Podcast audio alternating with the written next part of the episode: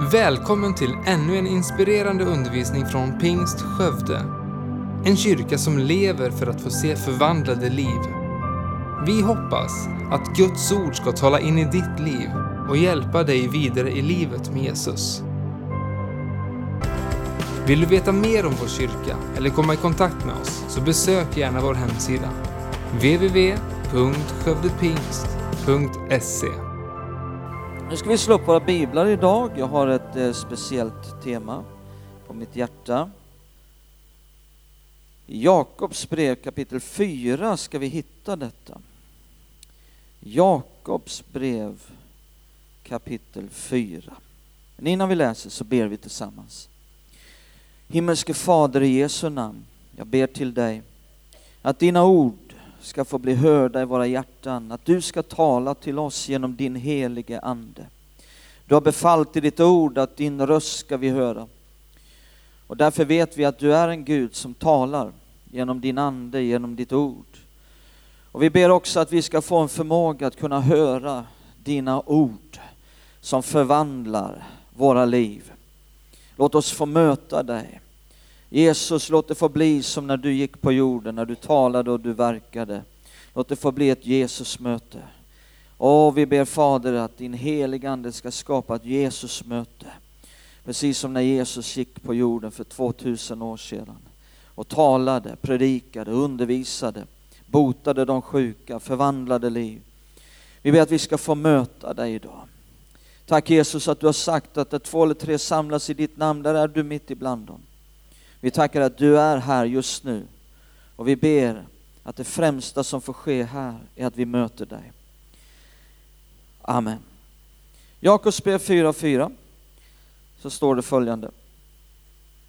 Ni trolösa, ja Jakob han är en sån här som man behöver inte fundera vad han menar.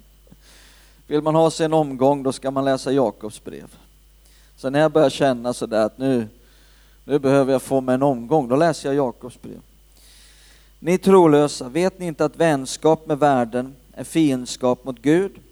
Den som vill vara världens vän blir Guds fiende. Här har vi temat idag. Det kommer att handla om detta som han talar om här, världen. Vi läser också i första Johannes brev kapitel 2. Första Johannes brev kapitel 2. Och så ser vi i vers 15. Älska inte världen, inte heller det som är i världen. Om någon älskar världen finns faderns kärlek, finns inte faderns kärlek i honom. Till allt som finns i världen, köttets begär och ögonens begär och högmod över livets goda, det kommer inte från fadern utan från världen. Och världen och dess begär förgår. Men den som gör Guds vilja förblir i evighet. Apropå det här med världen och världslighet och det materialistiska så jag hörde en story, det handlade om en advokat. Han hade ju precis köpt en ny och vacker Porsche Carrera. Och så kom han åkande i den här. Och så parkerade han vid sidan av gatan och bara längtar ju efter att få visa den här för sina kollegor. Och när han öppnar dörren, då är det en lastbil som kommer för nära den här Porschen och sliter av hela dörren och skrapar och det blir skrapmärken längs hela sidan. Och, och, och, då är det en polis som får syn på det här så han eh, kör upp och parkerar bakom och kliver ut och, och samtidigt så kliver den här advokaten ut och han är ju helt förtvivlad och han börjar skrika nej min Porsche!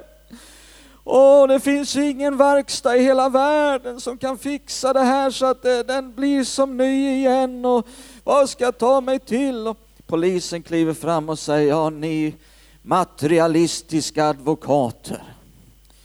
Tänk att eh, ni är så upptagna med en massa ägodelar, det är typiskt er. Och, och, och du, ni är så upptagna med det materialistiska och ägodelar så att ni försummar ju det, det, det som är verkligt värdefullt i livet. Du har ju inte ens märkt att din vänstra arm är helt avsliten och slets av i samma stund som lastbilen slet av dörren. Va? skriker advokaten. Hjälp, vad ska jag ta mig till? Min Rolex-klocka, min Rolex-klocka. Ja, man kan vara lite materialistiskt och världsligt upptagen. Eh, här läser vi i det här kapitlet. I kapitel 2 så står det här, vi läste det i vers 16. Älska inte världen. I vers eh, 15. Jag satte på mig glasögon idag, men liksom det är gamla glasögon så jag liksom måste ta av mig dem. Det har skett någon ögonförändring. Ehm, så, eh, jag har ju kört med linser nu några år, så böt jag linser igår kväll och satt på mig glasögon istället. Och jag har ju märkt att det finns någon ögonförändring nu så att jag får göra så här för att kunna läsa. Ja. Ehm, vers 16 läser vi, älska inte världen. Men vänta nu här lite, Bibeln säger ju att ty så älskade Gud världen att han utgav sin enfödde son. Så Sven, om, om Gud älskade världen, ska inte vi då älska världen? Ja, det är ju inte krångligare än vad det låter. Eh, och vi ser det väldigt tydligt om vi studerar det grekiska ordet för världen. Det är kosmos och nämns på mängder av ställen i Nya Testamentet. Det här ordet kosmos, det kan eh, översättas eller, eller kanske betyda en av fyra saker.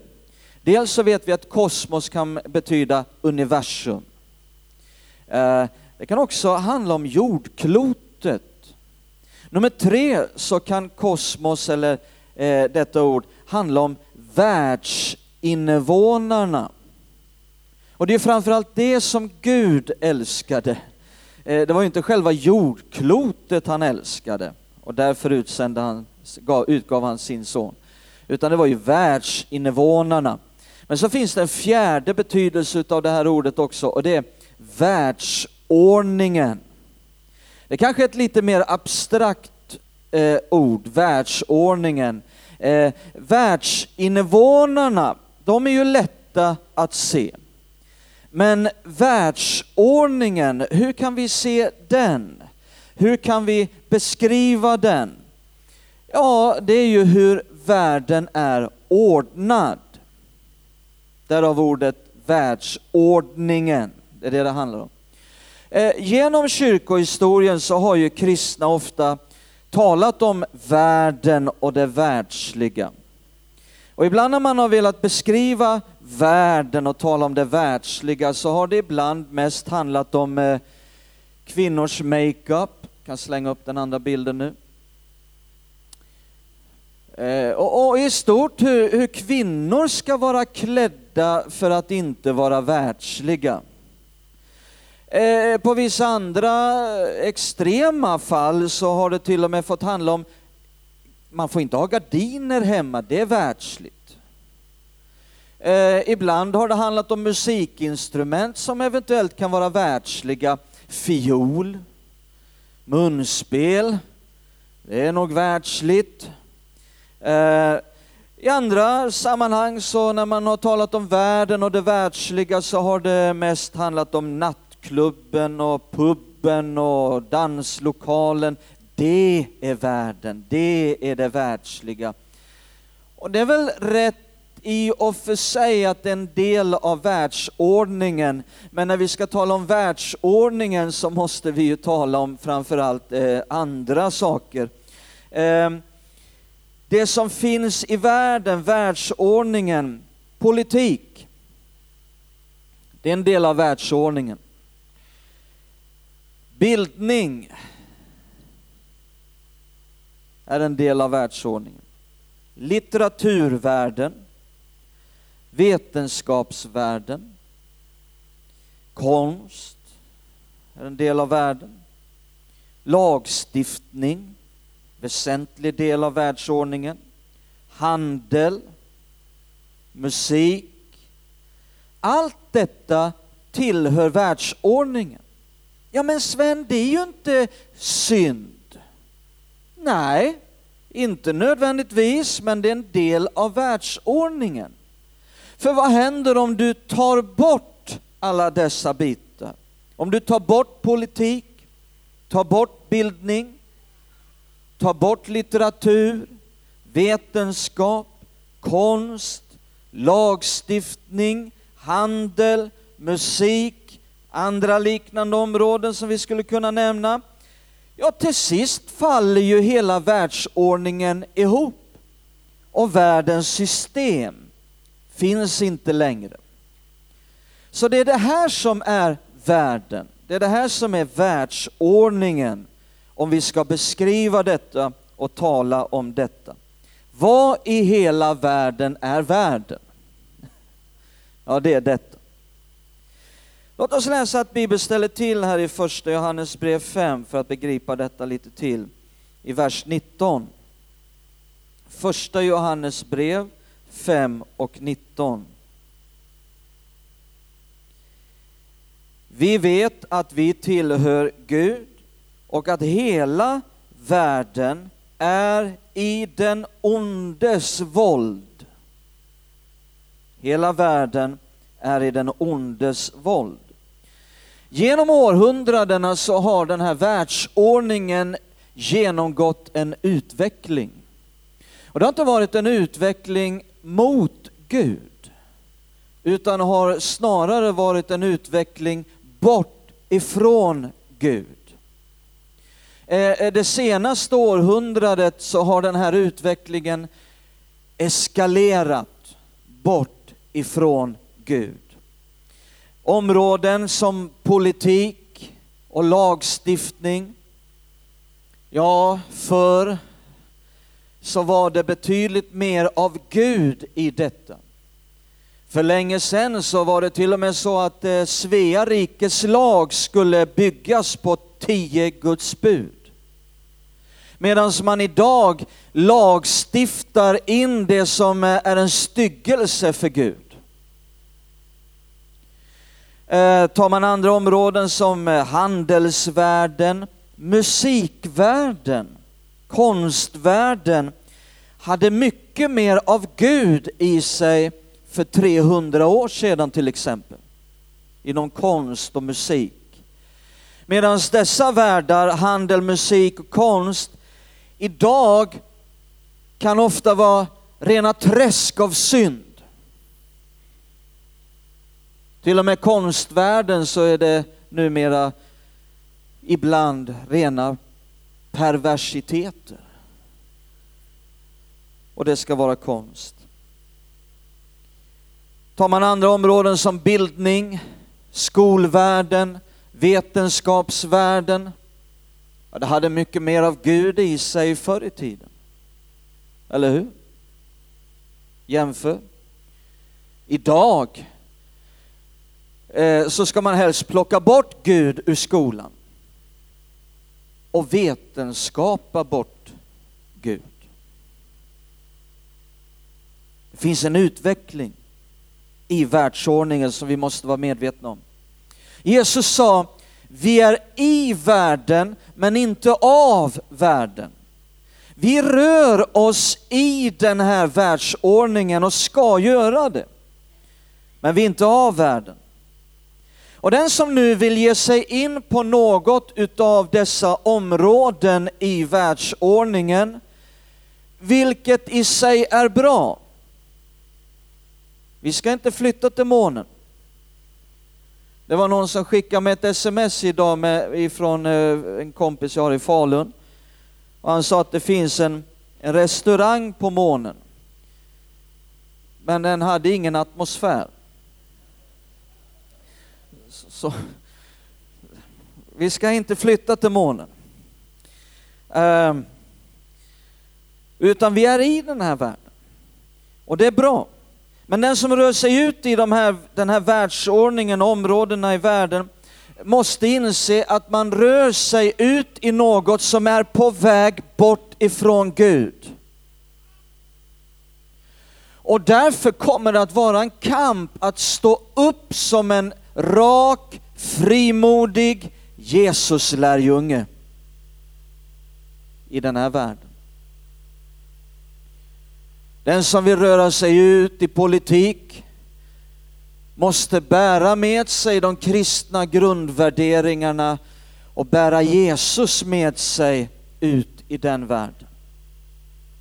Den som vill röra sig ut i handelsvärlden och affärsvärlden måste bära Jesus med sig ut i den världen, för annars blir man snart uppfångad av penningbegär och ojusta metoder och liknande.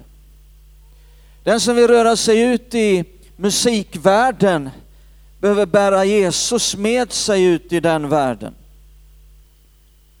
Annars är man snart förlorad i ett träsk av synd, vilket ofta kännetecknar musikvärlden numera.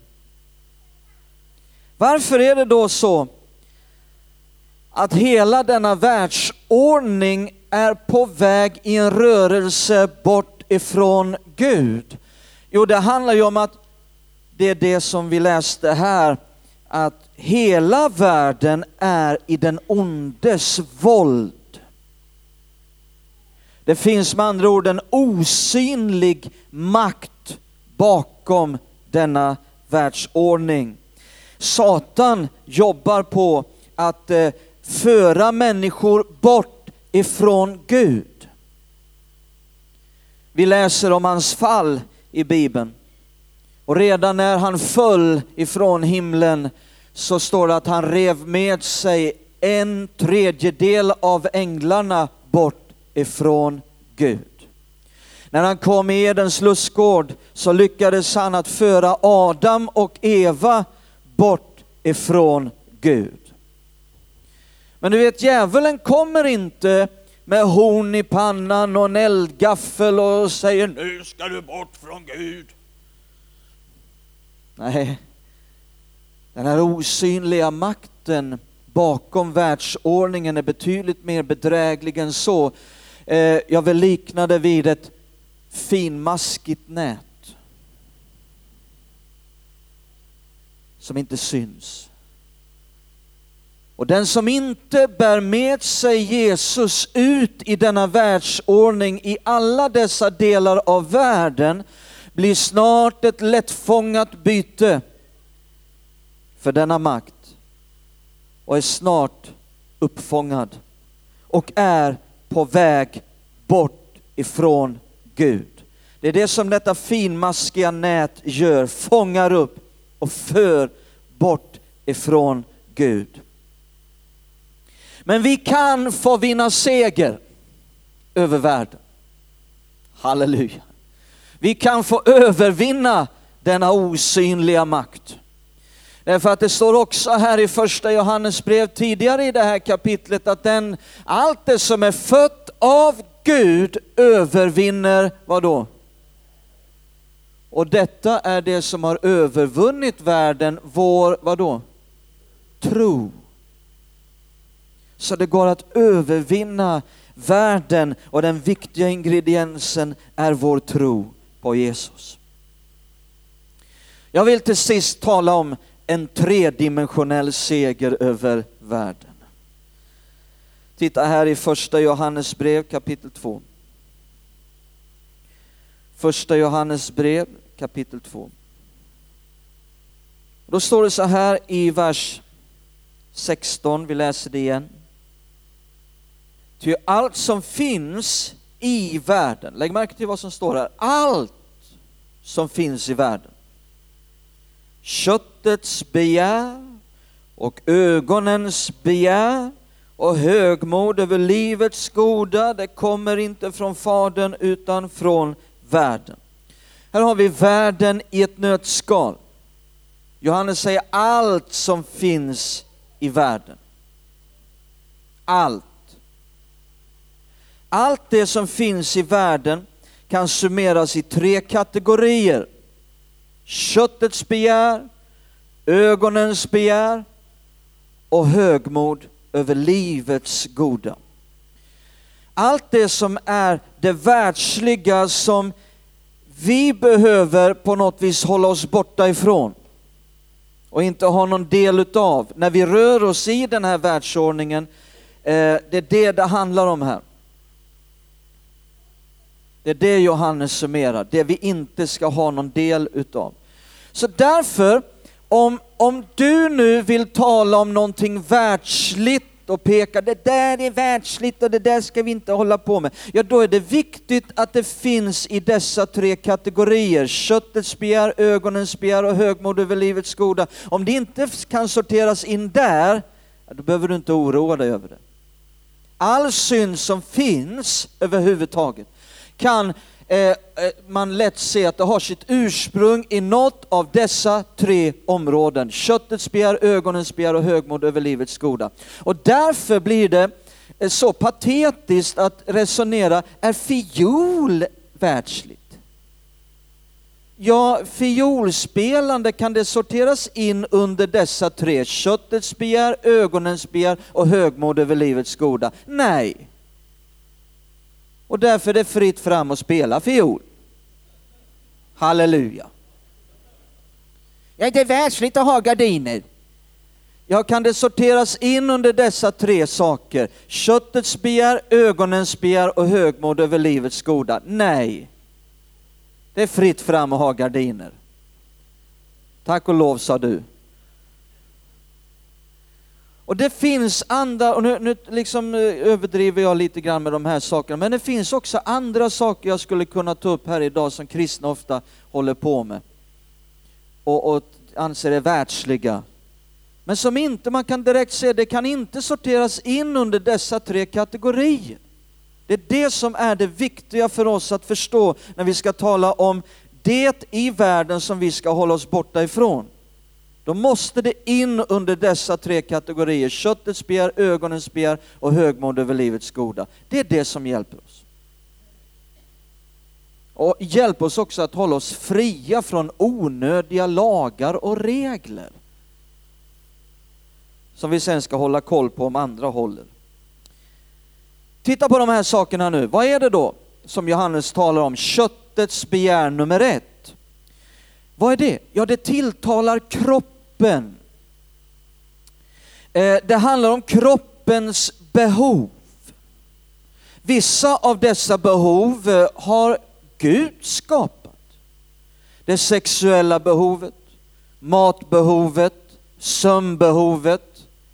Och Gud har också satt upp ramar inom vilket detta kan ske i kontrollerade former.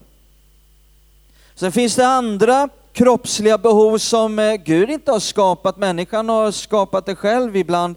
Eh, behov av eh, alkohol, narkotika, cigaretter och vi skulle kunna nämna andra saker. Vad handlar köttets begär om? Det handlar om när man hänger sig och är upptagen med lustfylld kroppslig njutning och detta är okontrollerat. Det är det det handlar om. Ögonens begär. Vad är det för skillnad på ögonens begär och köttets begär? Jo, eh, köttets begär sa vi tilltalar kroppen Ögonens begär tilltalar själen och sinnet. Ögonens begär måste handla om att se. Eller hur? Det hörs på ordet, ögonens begär. Det handlar om att se, fast på ett ytligt sätt. Inte på ett djupt och verkligt sätt.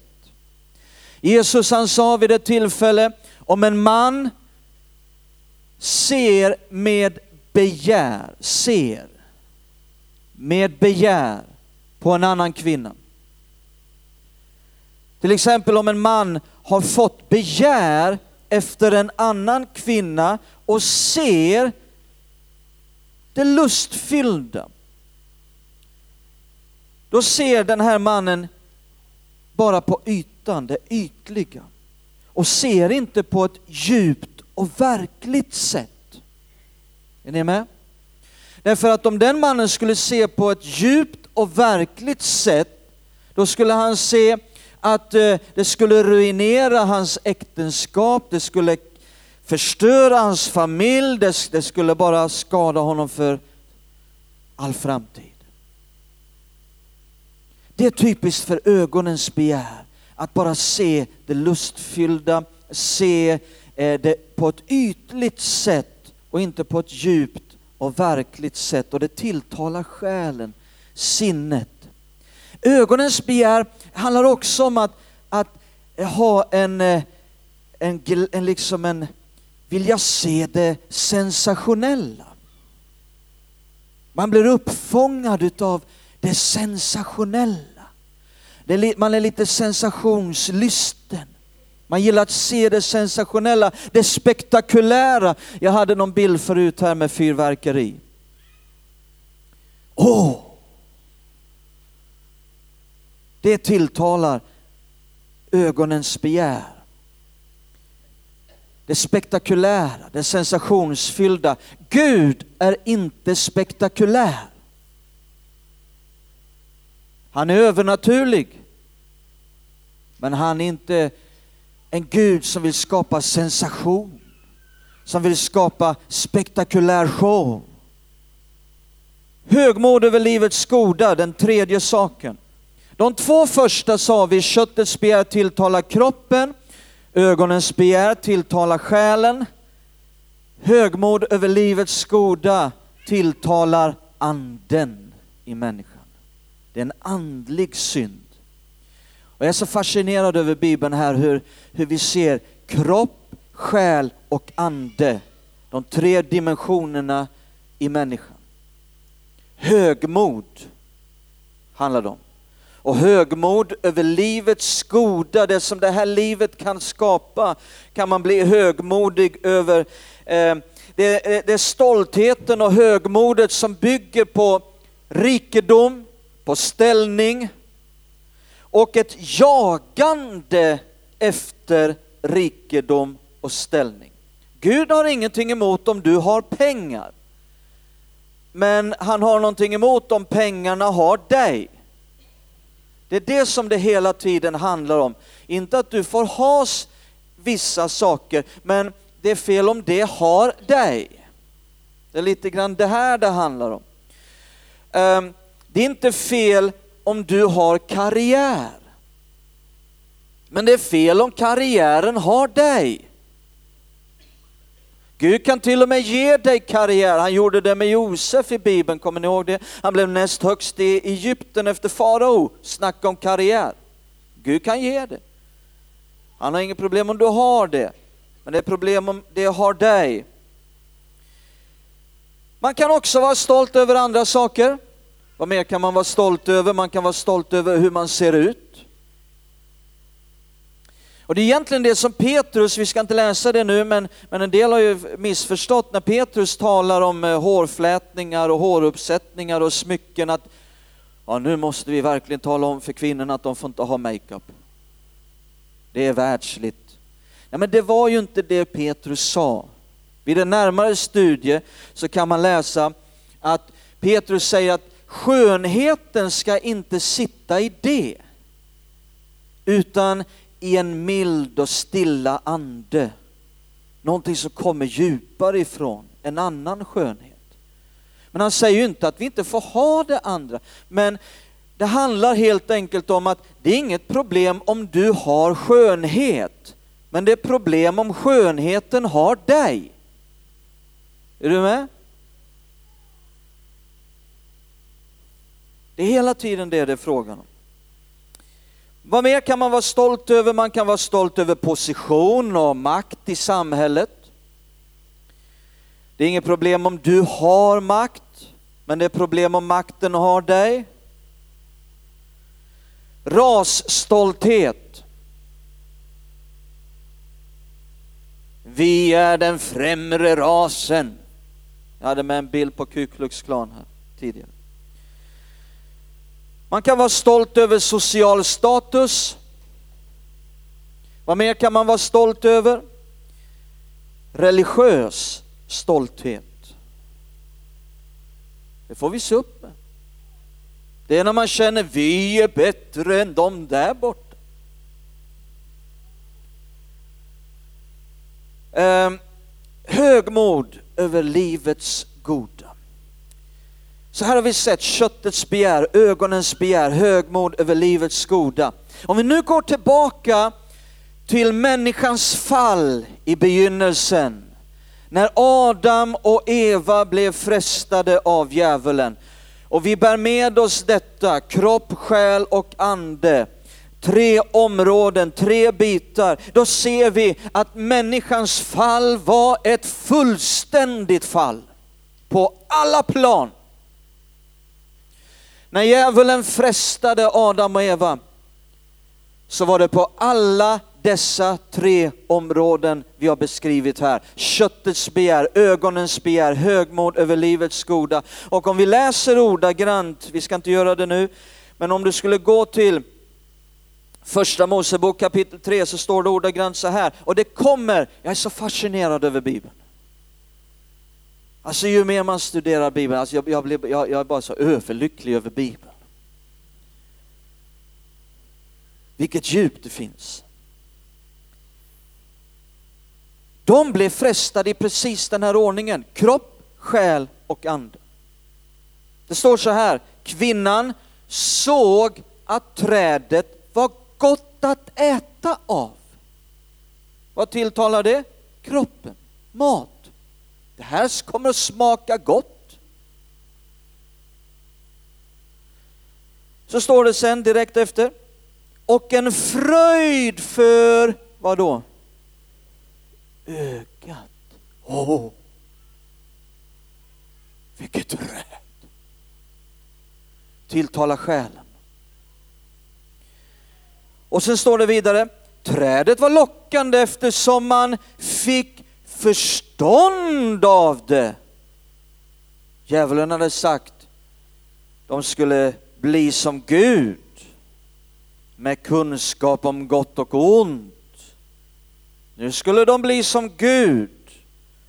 Vad tilltalar det?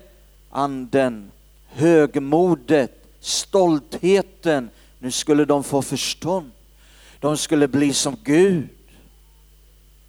Är ni med? Och så faller de på alla dessa tre plan. Och människans fall var ett fullständigt fall till kropp, själ och ande i alla dimensioner. Men halleluja, när Jesus kom. Då står det att han fördes ut i öknen för att frestas av djävulen. Hur många frestelser min vän? Ha? Hur många kan sin bibel här inne? Hur många var frestelserna? Tre, kan alla säga tre? Tre. Det brukar man de spela ibland. Three is the magic number. Det var en amerikan som ringde mig, en amerikansk predikant. och Jag hade tre, eh, nu har jag det igen va? Men, men eh, jag hade det förr i tiden i alla fall, jag tror jag bytte tre nu. Eh, och då spelade de den här trudelutten va? När, han, när, när, de, när han ringde mig. Men han, han trodde ju att eh, de sjöng This is a magic number. Så han trodde att mitt telefonnummer var ett magiskt nummer. Han trodde de sjöng This is a magic number. Men de sjunger Three is a magic number. Ja, varför, varför spårar jag ur där? Ja, tillbaka här nu. Eh, tre, tre frestelser. Och vad jag blir fascinerad över det är att det kommer återigen i exakt denna ordning, kropp, själ och ande. Den första frestelsen, vad var det? Jo, det var ju när djävulen säger om du är Guds son så förvandla de här stenarna till bröd, du är ju hungrig. Vad är det? Det tilltalar kroppen, köttets begär. Och sen kommer nästa frestelse. Det var när djävulen tog med Jesus upp på tempelmurens utsprång och så säger han, kasta dig ner. Det är ju skrivet. Han ska ge sina änglar befallning om dig, att de ska bära dig på sina händer så att du inte stöter din fot mot någon sten. Ja, vad tilltalar det? Jag snackade om att det hade varit sensation. Där i mitt i Jerusalem bland alla människor och alla står och ser på. Är det en självmordskandidat där uppe eller vad är det frågan om? Och så kastar sig Jesus ut och liksom seglar som en fjäder ner genom luften. Åh, vilken sensation det skulle ha väckt i hela Jerusalem. Vilken spektakulär show. Det är absolut någonting som tilltalar ögonens begär, själen. Och sen kommer den sista frestelsen. Där djävulen säger, när de står och blickar ut över alla riken i världen och så säger djävulen fall ner och tillbed inför mig så ska jag ge dig makten över alla riken i världen. Vad är det? Det tilltalar anden, det, till, det, det är högmod över livets goda. Stolthet, högmod. Men vad hände? Jesus vann seger. Och hans seger min vän är fullkomlig. I alla dimensioner, på alla plan så vann Jesus seger. Prisad vare hans underbara namn. Och hans ande bor i dig som har tagit emot honom. Och därför finns en inneboende kraft i dig att vinna seger i alla dimensioner. Och du kan få övervinna världen på alla plan när du rör dig i denna världsordning. Tack för att du lyssnat. Titta gärna in på vår hemsida www.skövdepingst.se för att få veta mer om oss. Och glöm inte att du alltid är välkommen till vår kyrka